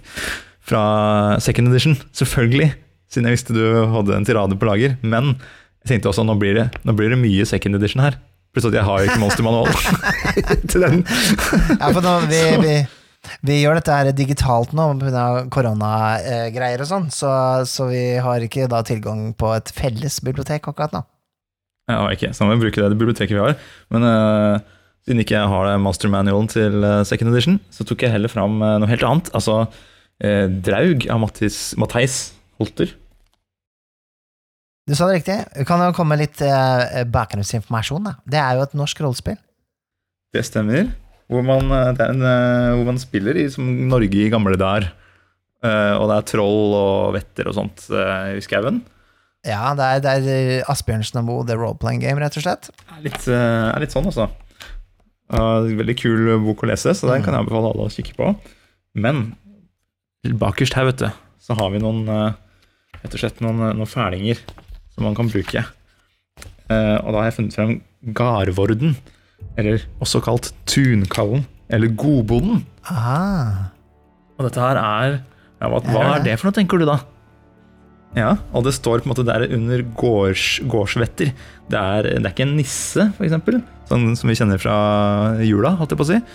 Eh, Men det er noe som ligner. Det er kanskje eh, gamle bonden, første bonden, som eh, Mm. hadde garden, da. Som vokter, som vokter gården fortsatt. Det er sånn jeg har fått inntrykk av at det er. Så Er det som et gjenferd, på en måte, eller? Ja, på en måte. Det kan være som et slags digert, eh, nesten som et troll, som uh, vokter gården. Eller det kan være som en ånd som er usynlig. Ehm, og liksom eh, det kan være, De er gjerne svære, og sånn, sånn at de liksom lener seg på låvetaket og uh, kan banke opp et troll hvis de møter på dem. på en måte. Mm. Uh, Men man ser liksom lite av dem for tida, da, står det her. Eh, og, og så her står det jo på en måte uh, beskrevet på en måte bare litt kort om Garvorden, og så er det hvordan man spiller den når man skal være spilleder. Da skal man snakke langsomt, men ikke sløvt. Og legge stemmen ned og bruke armene mye for å vise at man er stor. Så det her er sånn, en god måte å egentlig lage motstandere på. Da, og vise hvordan de Ja, ja, ja. kan spille de uten spilleder. Og så har den noen trekk, og alle, alle disse figurene har noen trekk. da, og det er at han er svær, og han er bundet til gården. Eh, så han liksom bare er rundt gården, så du kan bare stikke av fra gården, så er du unna den hvis det, Mm. hvis det er skjer noe galt. Og så at den kan også være en ånd, ånd da, fremstå som en ånd, og ikke være fysisk. ja. Men jeg liker den der tanken om en sånn der gammel bonde, svær bondeskikkelse som, eh, som alltid går rundt og passer på gården, som er vaktbikkje. Du er jo litt sånn mm. sjøl at du, du, du liker litt det overtroiske i naturen, og ikke sånn at du nødvendigvis tror på det. Du fortalte meg at du liker litt å Jeg liker å ville tro på det. Ja, Eller ikke sånn, sant? jeg, jeg liker tanken på det. Sånn, hvis jeg går i skogen og ser en tue, så tenker jeg på nøkken med en gang. Jeg, jeg liker det litt. Jeg liker at det på en måte det, jeg kan late som det er der. Det vil skape noen ritualer for seg selv, eller skape en, en form for undring, da, som er Som eh, Så jeg tror er ganske sunt. Altså, det, det er jo sånn Det er veldig lett å bli veldig ateist men, eh, i, i, i våre tider, men kanskje ha en, en liten Holde en liten knapp på det mystiske. Det Ja, det syns jeg man skal ha. Jeg syns det, det gir noe til, eh, til hverdagen, ens egen hverdag, rett og slett. Det å, spesielt hvis man er ute i naturen og bare Ja, når man er på, når jeg er på gamlegarden til mor, da, og tenker at det er noen ånder som verner rundt eh, huset, eller som eh, er en del av skauen eh, borte, bortafor lia der. og Ja. at man, eh, hvis man skal helle kokende vann ut etter man har vaska opp på hytta, at man sier, sier 'se opp der nede', og ikke så ikke det underjordiske blir brent. ja, er ikke det ganske fint? Jeg liker det, jeg liker det veldig godt. Jeg, jeg er litt sånn sjøl, jeg. Altså, jeg. Jeg prøver å på en måte se litt magien i hverdagen på den måten der. Eh, Jeg gjør det liksom på trass. Fordi jeg, jeg, jeg syns en eh, helt magiløs verden er på en måte litt eh, en kjedeligere verden. Det er litt kjedeligere verden. Det er kanskje derfor vi har den hobbyen vi har. Jeg tror det, jeg tror det. Det, det, det spiller nok litt inn, det, altså. Um, Ja. Nei, men uh, Draug er jo et, eh, et feiende, flott spill. Uh, I mine yngre dager uh, så lagde jeg jo også et eventyr til Draug, Så, som man kan spille, som heter Trollhøst. Uh, det ligger eh, Jeg tror det ligger på rollespill.info, hvis du søker etter det der. Eh, gå inn og laste det ned. Eh, det er ikke så veldig bra skrevet. Eh, du selger det virkelig Nei, inn altså, jeg var, jeg, var, jeg var yngre. Jeg var 24 eller noe sånt da jeg skrev det. Um, og, og jeg ser jo at jeg hadde et problem med orddeling. Um, det, det ble jeg smertelig klar over etter at jeg la ut det, da. Um, men i hvert fall, eh, Draug er jo eh, ikke så lett å oppdrive lenger. Jeg vet at Matheis driver og planlegger en Draug 2. Ehm, Ja, spennende. Se om, det er, om han kommer til å gjøre noe mer med det eller ikke, jeg er ikke sikker på det. Det er på en måte et helt annet type spill da, enn Gamle Draug. Det, gamle Draug Draug okay. var jo et, et vanlig eh, rollespill. Altså et standard med en spilleder og, og um, Ikke sant? En avart av Dungeons and Dragons på den måten. Mens eh, nye Mm. Draug er mer eh, indie-spill, er mm, ment å improviseres rundt bordet, at det er litt mer den type Sånn som Fiasko er, for eksempel. Tenker du nå, eh, mens du sitter der og prater om Draug, at du skal ta og gjøre bare det som en, til en settingbok for eh, AD og Det det? hadde vært ganske kult, egentlig. Vært, jeg tror det er liksom Nå, nå lever jo Matheis i beste velgående, men det er litt som Jeg kan se for meg at Matheis da ville eh, vridd seg i grava. Hvis jeg hadde brukt Draug-spillet hans til å spille ADHD. Han får, han får vri seg i senga istedenfor. da. da. det er jo ikke, det ikke noe som er mer eh, si, på andre siden av skalaen enn smaken til Matheis enn eh, Advanced Dungeons Dragons, tror jeg. Men uh, ja, ja. Du får gjøre det på trass, og så filme det og sende et det til han. Nei, men eh, Draug eh, Apropos Draug. eh, det har kommet et spill fra Fria Ligaen i Sverige, eller Free League, som heter Vesen. Ja, Væsen. Væsen. Det er vel, Mhm. Hvis dere frekventerer rollespill.info på Facebook, så har dere kanskje fått med dere det. Um, det er jo da egentlig Draug, men lagd av svensker, føler jeg. Ja, kult. Nei, det er ikke noe kult. Ja, er ikke det spennende? da? Svensk draug!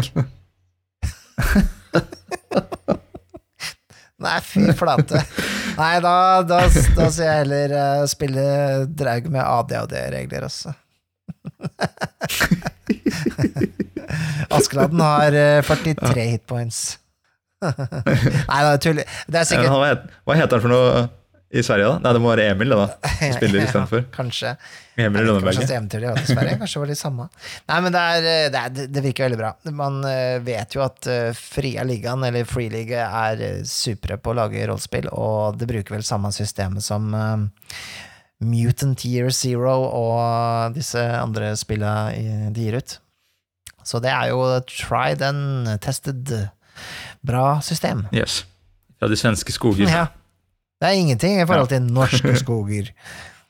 Og Kristiania og Dovregubben. Ja, jeg, altså det, er, det frister jo mer med. Dovregruppen, Mikael. Jeg, jeg, Du kan bruke Draug som en sourcebook til vesen, kanskje? da?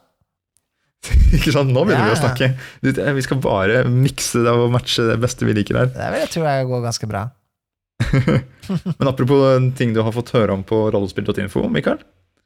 Du hadde noen, Jeg ser det ligger en hel haug med papyrus bak deg. Ja, stemmer. Um, Hva- Hadde du funnet fram noen noe utskrifter derfra? ja.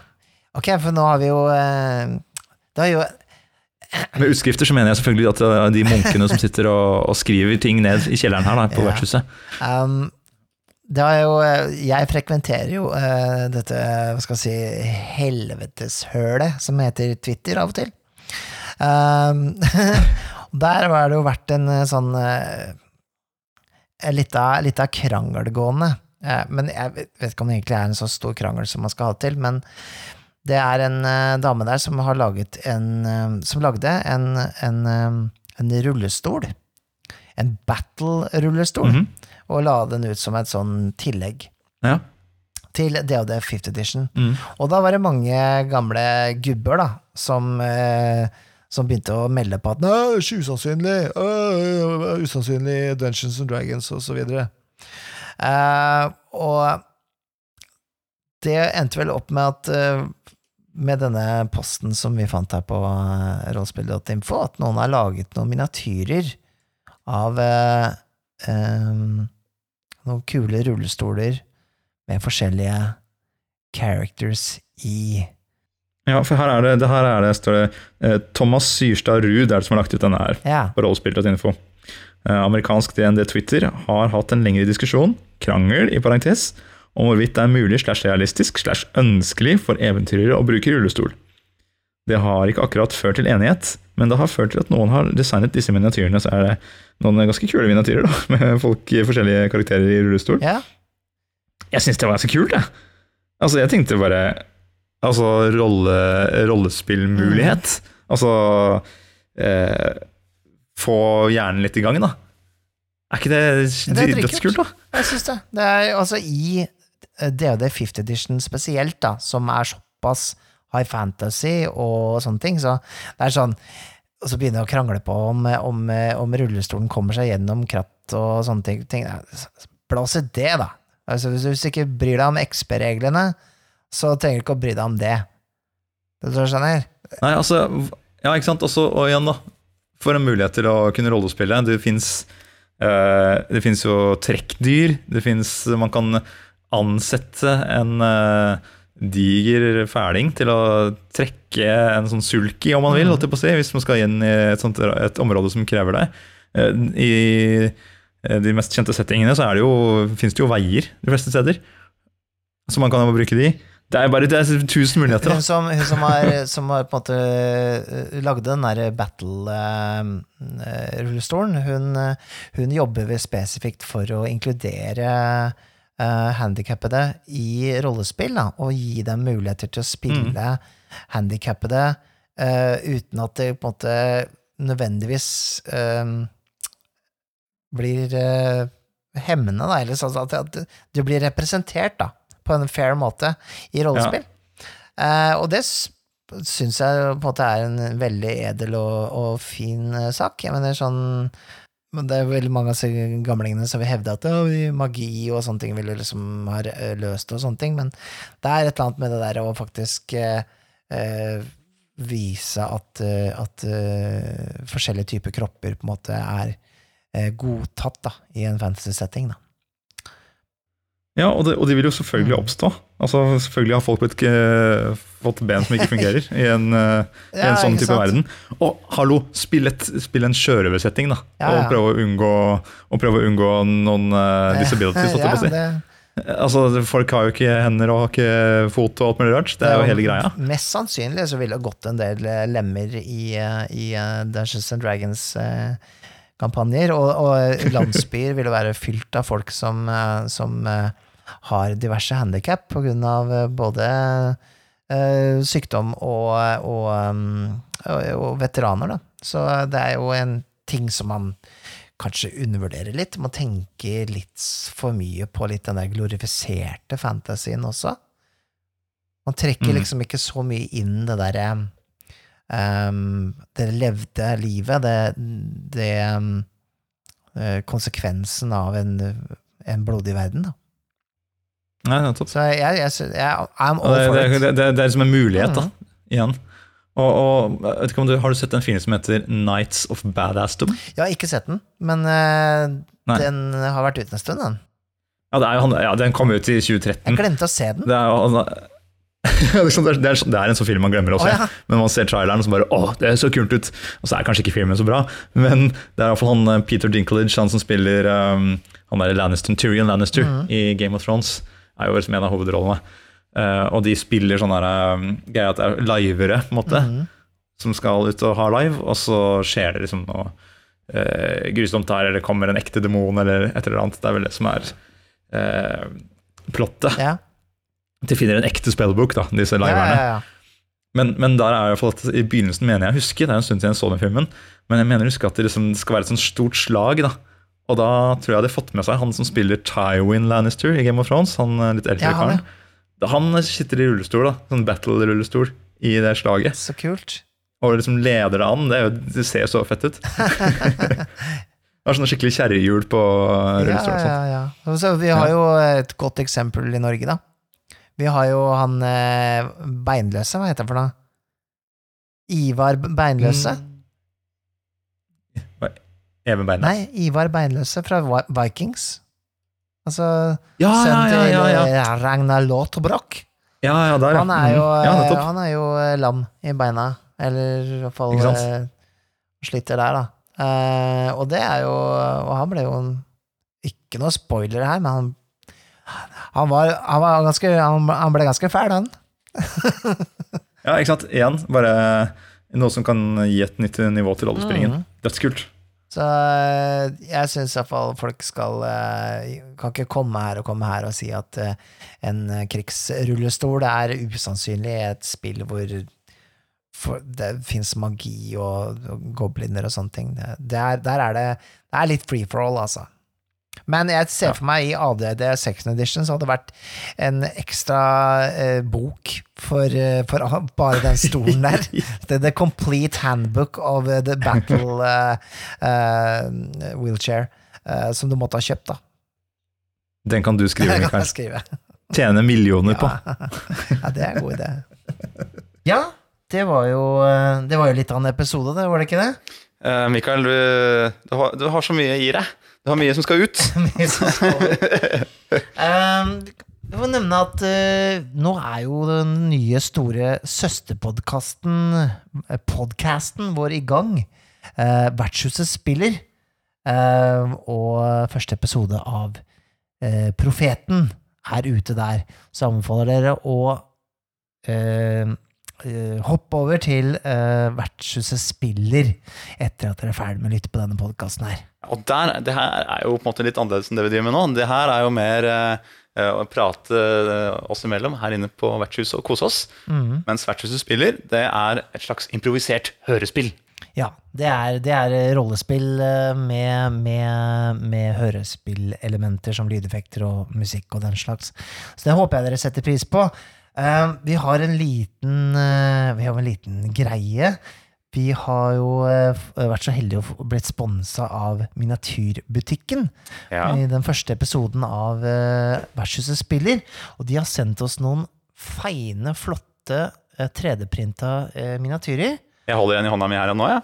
Ja, Kan ikke du si litt hvordan den ser ut? Jo, her har jeg en Er den, er den 5-6-7 cm høy eller noe sånt nå?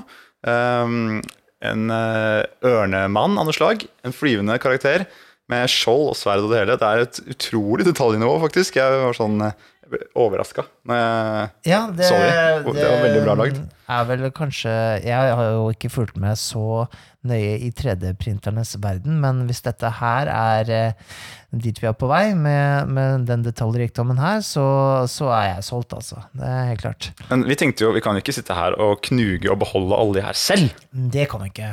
Så hvorfor ikke ha en liten konkurranse? Og det skal vi ha nå.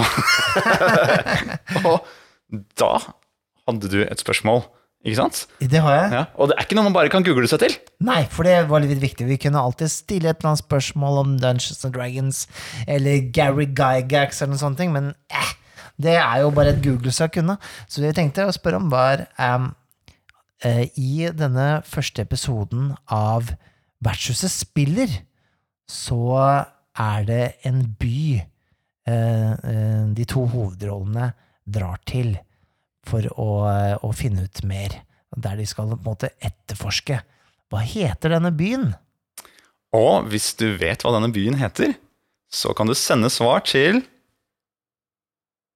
post at spillforlaget.no. Det stemmer. Eh, Det er for så vidt vår nye eh, mailadresse, for den, eh, den har vi begge tilgang til. Um, Ja, så Hvis du har andre spørsmål eller ting du har lyst til å si, kan du også sende det til post at spillforlaget.no. det stemmer. Og denne konkurransen den varer da fra ehm, eh, utgivelsen av denne podkast-episoden og frem til ehm, 5. oktober. Vi kommer til å legge ut et bilde av denne vakre miniatyren på eh, Facebook-siden til eh, Vertshuset og Vertshusets spiller, så jeg anbefaler dere å gå inn dit og like den eh, Facebook-sida. Og så anbefaler dere å sjekke ut vår Patrion-side, som vi har akkurat eh, lansert. Der kan du få litt ekstra snacks om du ville være med å hjelpe oss eh, med å støtte Vertshusets eh, produksjon, da, rett og slett. Og den finner du på patrion.com slash vertshuset. Det stemmer. Ellers så er vi bare glad for at dere hører på. Og nå har du søren meg muligheten til å vinne saker og ting òg. Dette her er jo helt konge. Ting går fremover, si! Vet du hva, jeg, jeg, Nå begynner jeg å bli lei av det her pisshølet ditt. Jeg bestiller en piña colada. Ok, da. Det ser, det ser litt mer fristende ut. Jeg tar en bloody, ekstra bloody Mary. Du er så metta, altså. Ja. Nei, vet du hva, jeg, vi skåler, og så sier vi eh, takk for oss for denne gang. Tusen takk for at dere fulgte oss gjennom denne old school-podkasten. neste gang skal vi ikke snakke om eh, Advanced Dungeons and Dragons i det hele tatt. Lover. Du, du har fått tømt deg nå, Mikael. Det er bra, Nå har jeg fått endelig fått tømt meg. Ha det bra. Ha det bra.